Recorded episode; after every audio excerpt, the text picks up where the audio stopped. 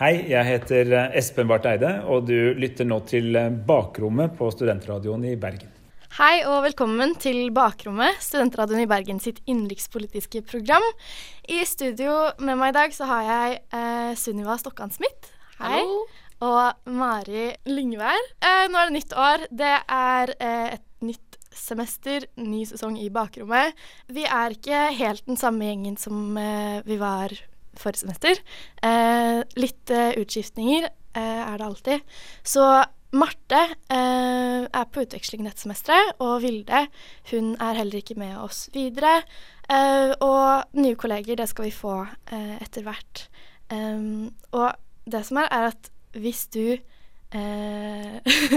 Hvis du er interessert i noe som helst, og tror du hadde likt å være med i Studentradioen, så er det fortsatt mulig å sende inn søknad. Det du gjør da, er at du finner et skjema som er Ja, du går inn på nettsiden vår srib.no. I menyen så står det 'bli med'. Så fyller du ut et veldig enkelt skjema. Eh, litt om deg selv, hvilke interesser du har og sånne ting. Og så kan du få da en mail om et eh, informasjonsmøte. Eh, for nye radiomedlemmer, det trenger vi alltid. Um, men eh, ja, hvordan går det med dere, jenter? Det er veldig deilig å begynne igjen. Jeg kjenner at det er veldig deilig å være her igjen. Ja, ikke sant? Men uh, har dere noen uh, Har dere noen forventninger politikk, til politikken i eh, 2019? Er det noe dere tror Det kommer blir til å pang skje? start med ny regjering i hvert fall. Ja. Regner med. Ja. Det høres jo sånn ut nå. Jeg tror det blir kjempespennende å se hva som kommer til å skje utover den neste uka. Ja. Ish. Mm. Ja, altså ikke minst konsekvensene utover nyåret nå òg. Mm. Hva som kommer til å skje nå som KrF mest sannsynlig blir med i regjering. Um, men har dere noen forventninger til året generelt? Har dere noen mål for, eh, for uh, hva vi skal holde på med i radioen, f.eks.? Er det noen dere har lyst til å intervjue?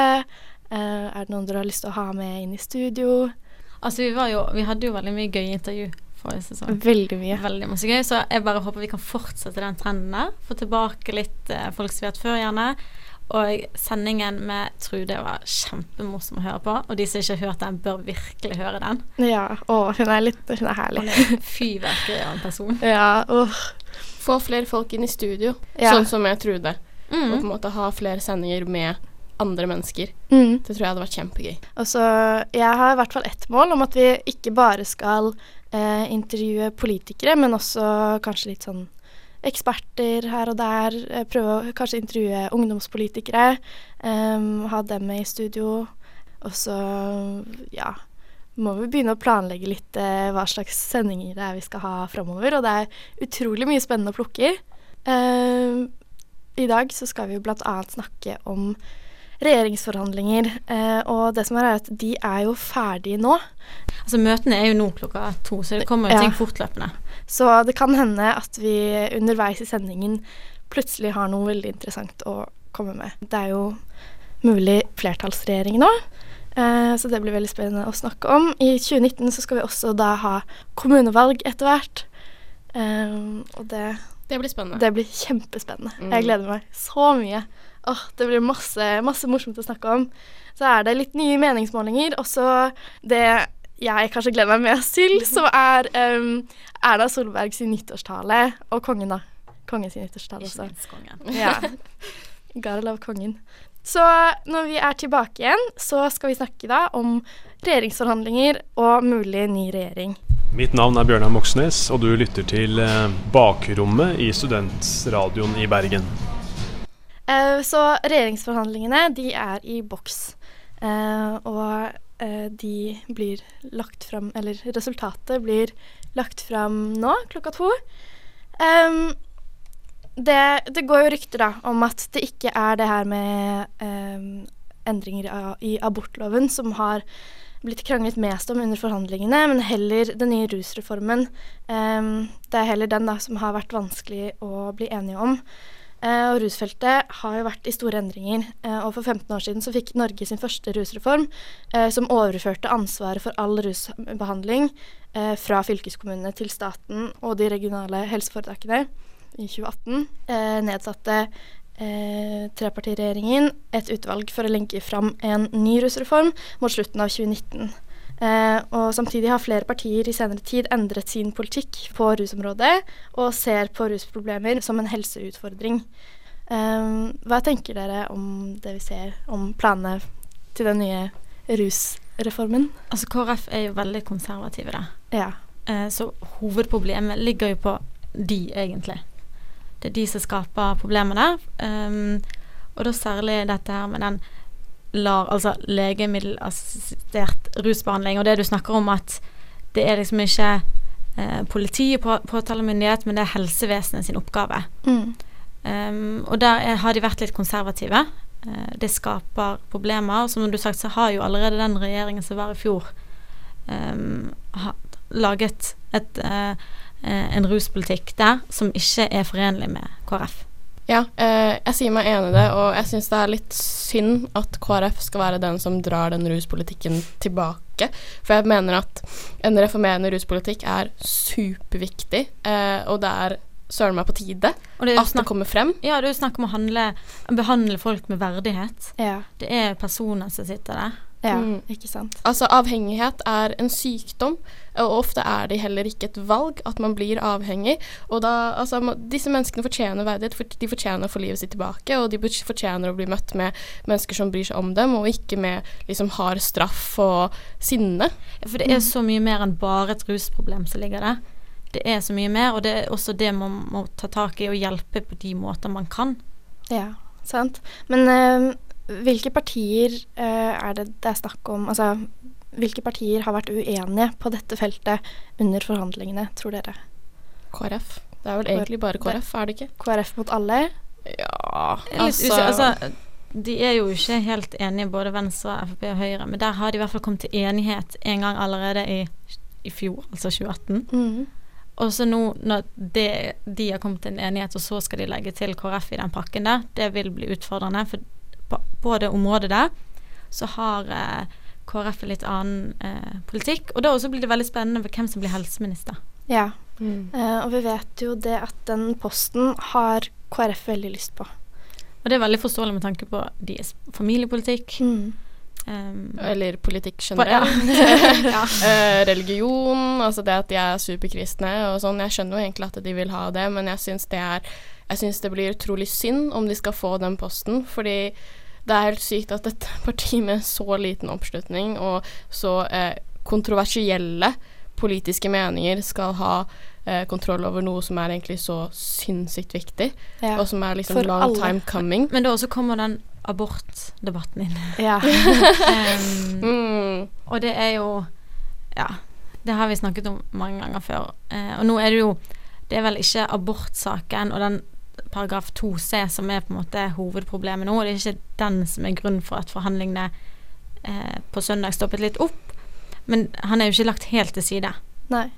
Og da er det snakk om denne såkalt sånn tvillingabort. Jeg tror den vil alltid være der. Jeg tror den alltid vil være på bordet for Altså, KrF. Ja, den Altså, er kommer KrF aldri til å legge vekk. Nei.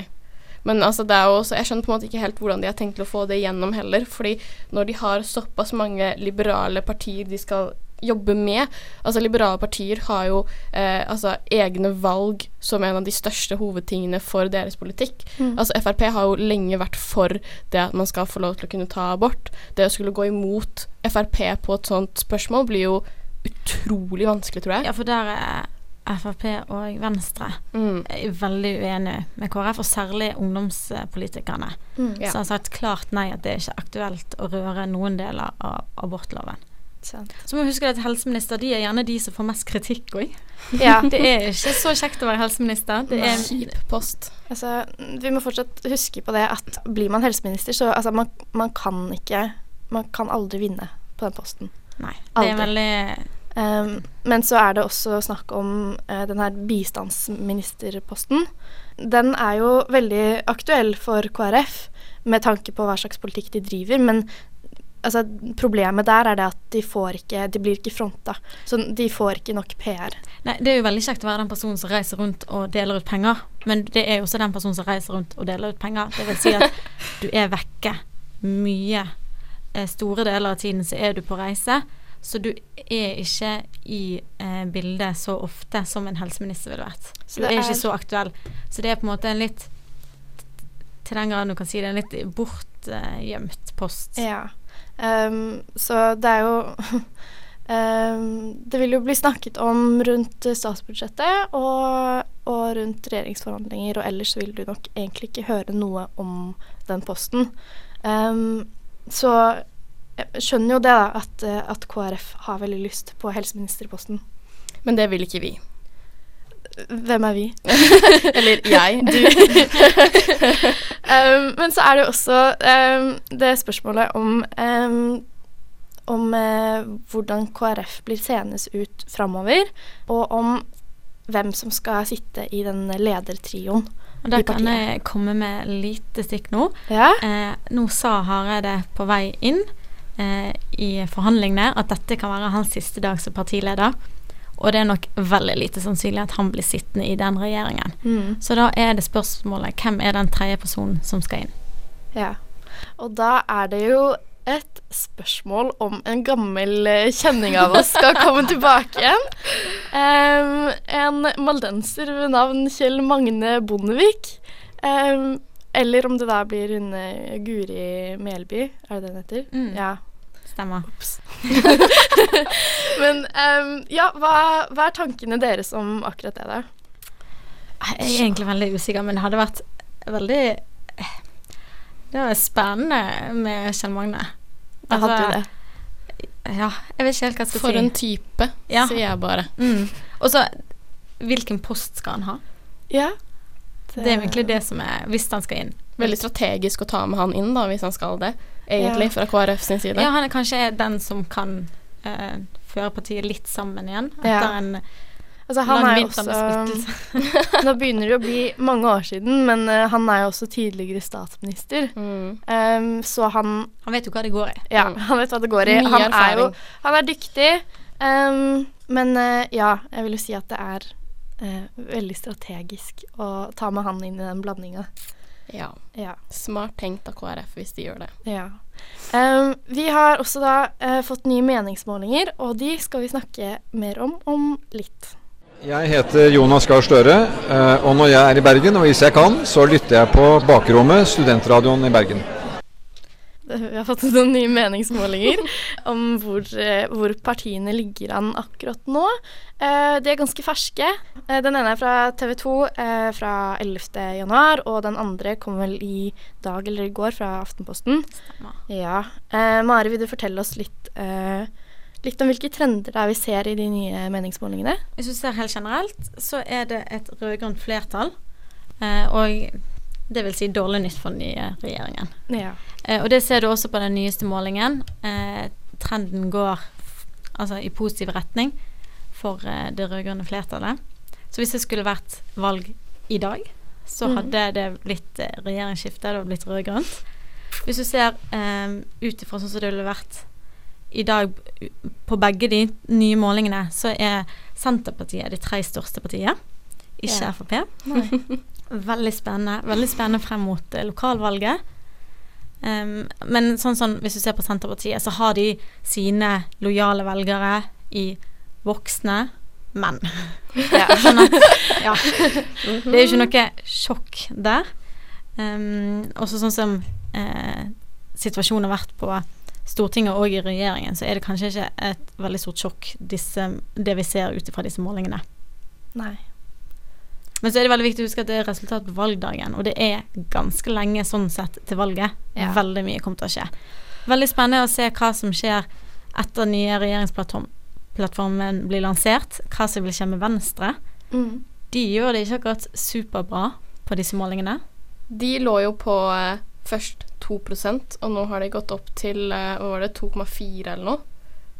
Ja, det var noe sånt. Eh, noe som er sykt lite. Det er veldig lite. Eh, lol, egentlig.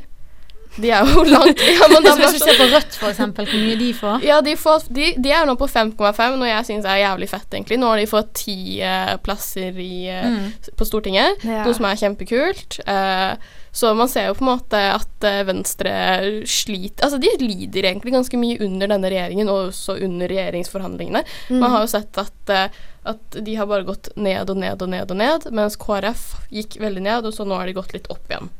Ja, for det er viktig å se konteksten av disse målingene. De har kommet etter en vinter det har vært mye uenighet på mm. borgerlig side, og særlig KrF. Det er mye regjeringsforhandlinger der det har kommet litt utsagn og eh, saker som ikke er blitt eh, Ikke er det beste for eh, borgerlig og høyreside. Og hvis du ser strømmen av velgerne som går for borgerlig, så går um, de fleste til Senterpartiet. Mer enn dobbelt uh, så stor velger som går til Senterpartiet enn hvis du sammenligner med de som går til Arbeiderpartiet. Mm. Så det er jo på en måte Senterpartiet som er de store vinnerne, som skaper trøbbel for Solberg. Ja. Ehm, og så syns jeg det er litt interessant å prøve å finne ut av hvorfor disse endringene har funnet sted. Um, og så ser vi jo det at uh, Ikke det at jeg følger kjempenøye med på svensk politikk, men sånn det ser ut akkurat nå, så kan det være at, eh, at eh, det er den rødgrønn Altså at det blir rød-grønn regjering i Sverige nå også. Uh, så det er litt sånn morsomt da å se på om det her kanskje kan være en større trend, eller om det er pga. Eh, alle disse skandalene som vi har hatt i fjor, at regjeringen har eh, svekket tillit eh, til, ja, fra folket og, og sånne ting. Eh, men så skal det jo også være kommunevalg i, i år. Ja. Ja. Jeg syns det blir dritspennende, fordi alt avhenger egentlig på hva som skjer med regjeringsforhandlingene nå. Hvem som kommer i hvilke poster, hvem som kommer godt ut, hvem som ikke gjør det. Og liksom det har jo mye betydning, stor betydning for hvem som kommer til å vinne kommunevalget. Men personlig så tror jeg at Ap eh, naturligvis kommer til å gjøre det veldig bra, eh, ettersom de er i opposisjon. Eh, det er ganske mange som mest sannsynlig er veldig misfornøyde med regjeringen, og som da vil ha et litt mer rød-grønt skifte. Ja, Arbeiderpartiet har jo en stor jobb å gjøre frem til neste stortingsvalg. Ja. Sånn at hvis de Der er det på en måte en innsats som må til, og mange av partiene, det ser vi ut ifra målingene, må begynne å mobilisere nå. Eh, Arbeiderpartiet kan gjøre en eh, viktig jobb nå eh, med tanke på stortingsvalget. Eh, hvis de gjør det bra på lokalvalget, så vil det jo være veldig positivt hvis de klarer å mobilisere litt mer. De har jo gått gjennom sin del av skandaler. Det Eh, har de. 2017-2018. Mhm. Sånn at der er det viktig å bygge seg opp igjen. Og så er det veldig spennende å se, sånn som i de største byene så speiler jo de partiene som er i Stortinget blir speilet også i kommunene. Så er det veldig spennende å se på de små, eh, små bygder og byer der man har eh, lokallister og litt andre partier, og se hvilken eh, av de lokale partiene som strømmer frem, og hvem som gjør det beste. Ja. Mhm. Så er det jo også interessant om eh, det blir skifte i Oslo kommune. Mm. Eh, det har jo vært ganske mye kontroversielt med MDG, eh, spesielt eh, LAN. eh, og politikken de utgjør der. De, jeg tror jeg så at de hadde blitt kåret til Europas eh, klimaby, eh, miljøby, fordi de har kuttet ned klimautslippene i Oslo såpass mye. Mm. Så det blir interessant om de får fortsette den jobben, eller om det blir blått skifte. Mm. Altså I Bergen har det vært kjempespennende nå, så det har vært eh, Høyre som styrte i lang tid. Og jeg, nå de siste årene så har det vært Arbeiderpartiet. Om de får lov til å fortsette, eller om hun vil ha en utskiftning. Så det er Mm. også, jeg synes det, det, det valget i Bergen kommer til å bli veldig spennende. Og der kan du kanskje se litt også på trendene hva som kommer til å skje i stortingsvalget òg. Ja. Mm. Og så for de mindre partiene så er det jo eh, veldig viktig for dem å ha lister i alle kommuner. eh, sånn at folk faktisk kan stemme på dem eh, i sine kommuner. Um, og jeg gleder meg veldig mye til å se eh, hva som vil skje med de mindre, de mindre partiene. Spesielt Rødt. Og så Senterpartiet som går så frem nå, hvordan det, hvordan det vil gå med de, det blir veldig spennende. Nå som eh, Hordaland og Sogn og Fjordane skal eh, bli ett fylke, Ja. så blir det også eh, Det spennende, spennende, å se som, eh, hvordan eh, fordelingen blir utover de eh, to fylkene Mm. som blir Vestlandet. Ser om eh, Bergen går ut av Norge. Ja. Så tenker jeg også ja, det, Vet du hva, det Hva heter det? Bergsit? Bergsit.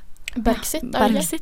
Ja. Men det er også sånn, litt seriøst igjen, så blir det de eh, partiene, lokale partiene som eh, har sin eh, hjertesak med bompenger. Mm. Om, se hvor, om det faktisk er reelt at de kommer til å få mange mandater. ja. Mm.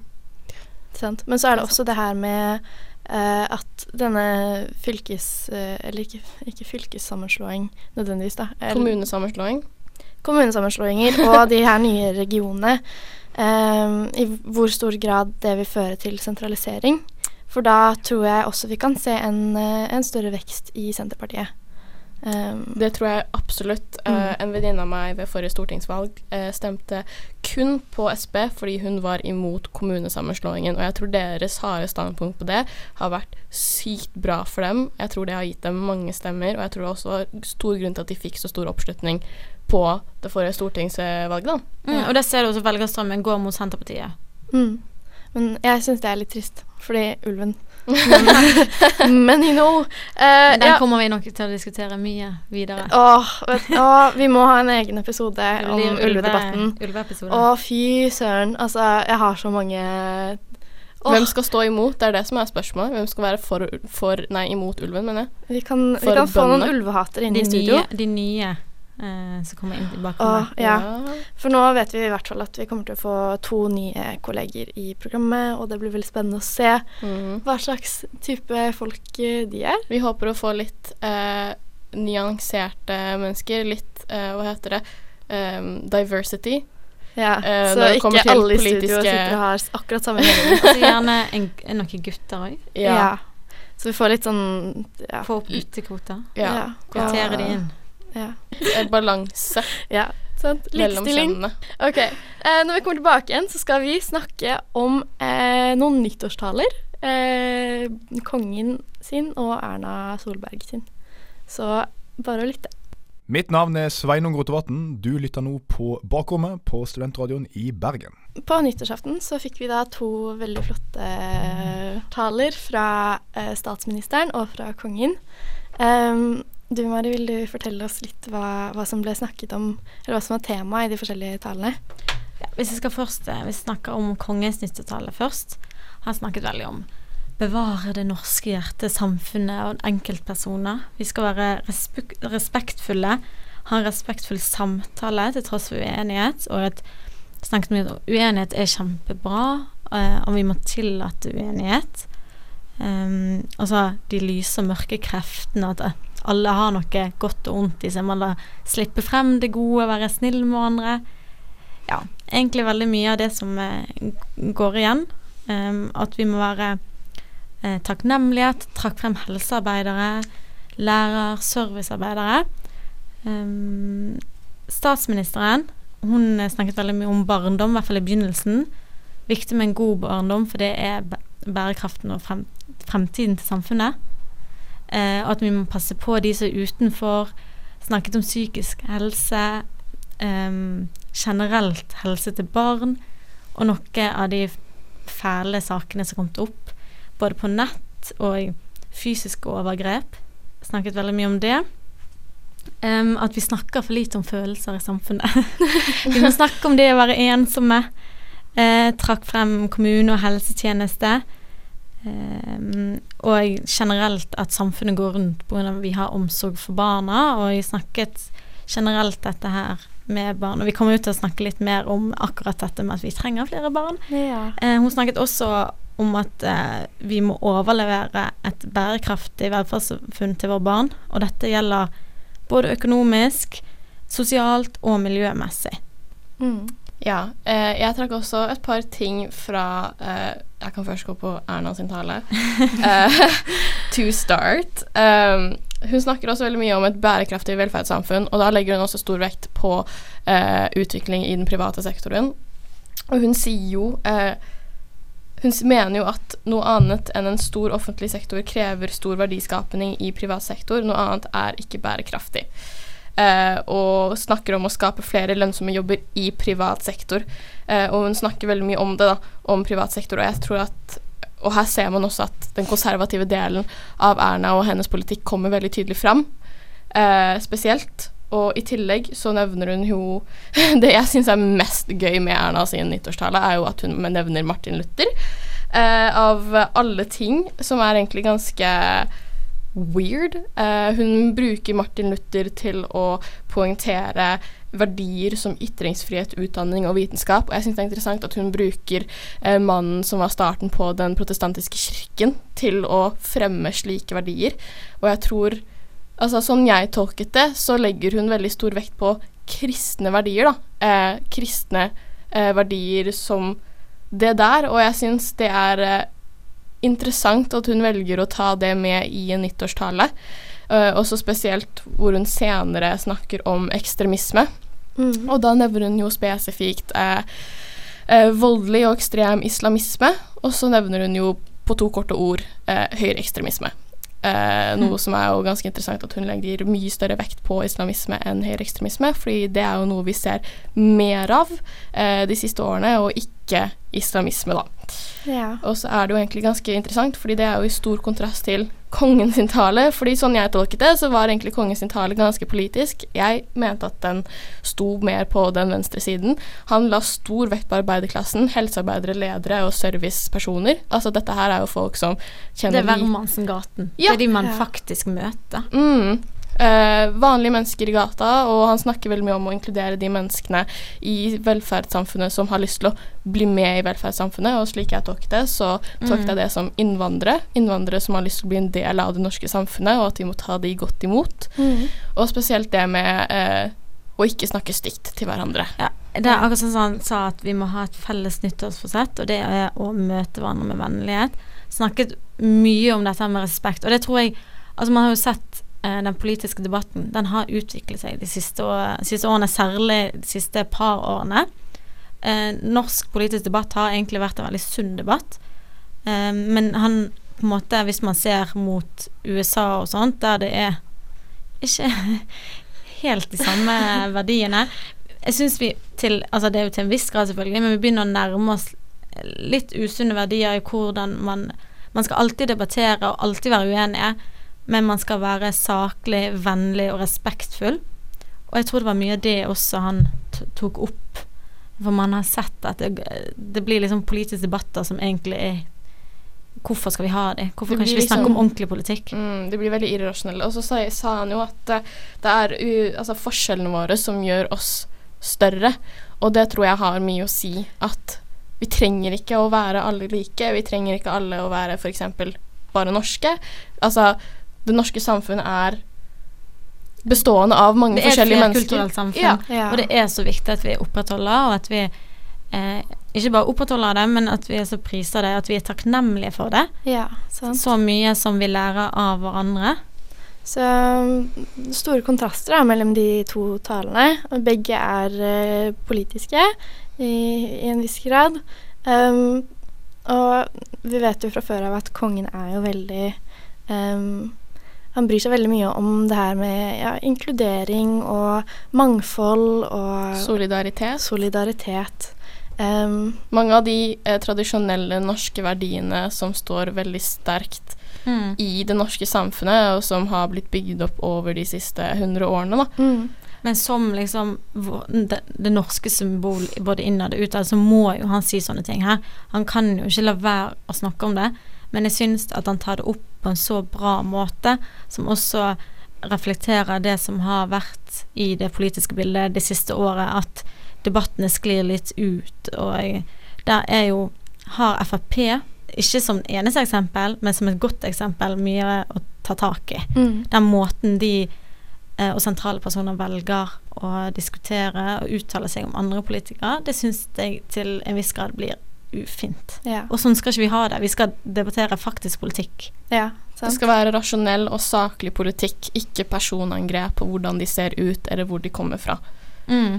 Det tror jeg er veldig viktig. Men nå viktig. er jo Per Sandberg kommet inn en en frisk pust på akkurat det der.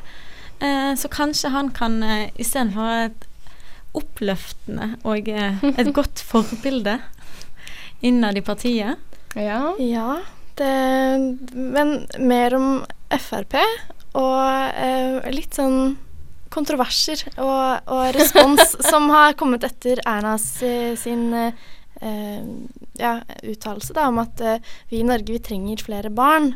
Eh, lag flere barn. Altså, bakgrunnen for det er jo at eh, vi i Norge, altså hver kvinne føder 1,6 barn. Mm. Det er ca. et halvt barn eh, mindre enn det vi må ha. Ja, Altså må For ha i hermetegn. Altså, for å opprettholde mm, og det er veldig, hun får veldig mye støtte, men også kritikk. Eh, enkelte forskere syns det er eh, ikke nødvendigvis så smart å oppfordre til dette her. Eh, og vi kan snakke litt mer om det eh, respons på det. Der er det bl.a. tidligere justisminister som har kommet med en eh, spesiell kommentar. Ja. Mm, ja, Det er helt hårreisende. Ja. sagt, for å si det sånn. Så mer om det. Eh, kontroverser og mye moro eh, skal vi snakke om om litt. Mitt navn er Peter Frølik, og du lytter til Bakrommet på Studentradioen i Bergen. Så eh, de, ja, den talen eh, til eh, Erna Solberg, hun sier jo det at eh, Norge trenger flere barn, og at vi må lage flere barn. Eh, og det har kommet mange forskjellige reaksjoner på, på den uttalelsen. Noe positivt, noe negativt. Eh, det er mange ytringer eh, som har kommet. Eh, mange mange som har skrevet og sendt inn til Aftenposten og NRK og, og andre eh, ja, aviser og sånn. Eh, og det er jo veldig Det er spennende å følge med på da, og se hva er det folk mener, og hva er det folk eh, svarer.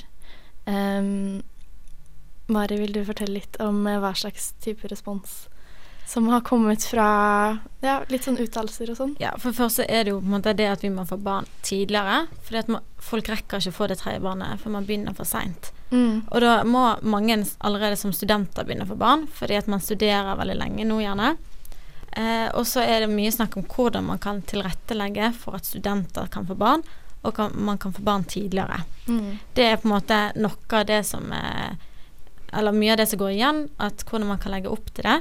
Eh, kritikken har vært at før man endrer eh, familiepolitikken drastisk, så må man vite hvorfor det har vært en sånn nedgang. Mm. Eh, der kan man trekke, ned, trekke frem likestilling, som er jo supert. At eh, nå er man liksom ikke hjemme og er mamma. Man er på jobb, man er så mye mer enn bare en mamma. Em, sånn at da må du også finne en løsning på hvordan vi kan uh, ja, gjøre sånn at man kan være både studere lenge, ha karriereliv, men samtidig også være foreldre. Mm. Men noe av den sterkeste reaksjonen Jeg kom fra tidligere justisminister. Oh, Og det er helt sjukt. um, da skal jeg lese opp noe. Um, et sitat her på en nettsak. Uh, der han sier at eh, Dette her er snakk om Amundsen. Ja, Ja. Per-Willy Amundsen Mm. fra Frp. Our favorite. Han er jo en toppolitiker, så det, man kan ikke bare feie unna det han sier. Det er viktig å ta det med. Og han sier jeg er opptatt at vi har en befolkningssammensetning som er bærekraftig. Etniske nordmenn har en farlig fødselskurve. Det mener jeg, i likhet med Erna Solberg, at vi er nødt til å gjøre noe med. Men løsningen er ikke å få enda større, en enda større innvandrerbefolkning. Tvert imot må vi sørge for at den etnisk norske befolkningen vedlikeholdes. Eh, jeg vet ikke hvor jeg skal begynne. Og han eh, snakker også at han helst skulle sett at kontantytelser blir knyttet til norsk statsborgerskap, sånn at man kan kutte barnetrygden helt etter tre barn, bare for innvandrere. Ja. Eh, vi kan si ett ord. Uh, rasistisk. Først First of all, holdt jeg på å si. Jeg skal Ja. Nei, altså, jeg syns det her er helt sykt, og jeg syns også Jeg syns det er jævlig interessant at uh, det er sånn rasister i Norge tolker Erna sin nyttårstale. Uh, og jeg tror også det er noe man må tenke litt på og uh, gruble litt på. Altså, det er bare sånn Men altså, jeg er, jeg er helt enig med deg. Man skal være veld, men man skal være veldig forsiktig med å bruke ordet rasist. Men samtidig her er det snakk om at man skal kutte muligheten for enkelte deler av befolkningen å få barn. Og her er det snakk om gjerne én spesifikk gruppe med innvandrere. Det er ikke snakk om uh, den engelske eller britiske, amerikanske legen på vestkanten. Det er så sinnssykt urettferdig. Det er det. Men, altså, Ja, men, Men det, det er jo Det er så mange midler som heller vil hjelpe. Integrering og hvorfor skal det at du er født i et annet land gjøre at du ikke skal få muligheten til å få så mange barn som du ønsker? ja. Så lenge du har ressurs, altså mulighet til å ta vare på dem. Og selvfølgelig må man få ressurser fra staten. Det får alle. Eh, så det at eh, Nei. Jeg Altså- vet ikke, jeg tenker at man må kalle en spade for en spade. Vet, man skal ikke kaste rasistordet rundt, eh, fordi da forsvinner jo meningen med ordet. Men Per-Willy Amundsen er en rasist når han mener spesifikt at mennesker fra en annen verdensdel hvor man har mørkere hud, ikke skal få støtte fra staten fordi med- de har for mange barn. Ja. Så er det det her med hva er det etnisk norsk betyr? Det er akkurat Eh, det. er, det er det da snakk om Er etnisk norsk eh, Handler det om kultur?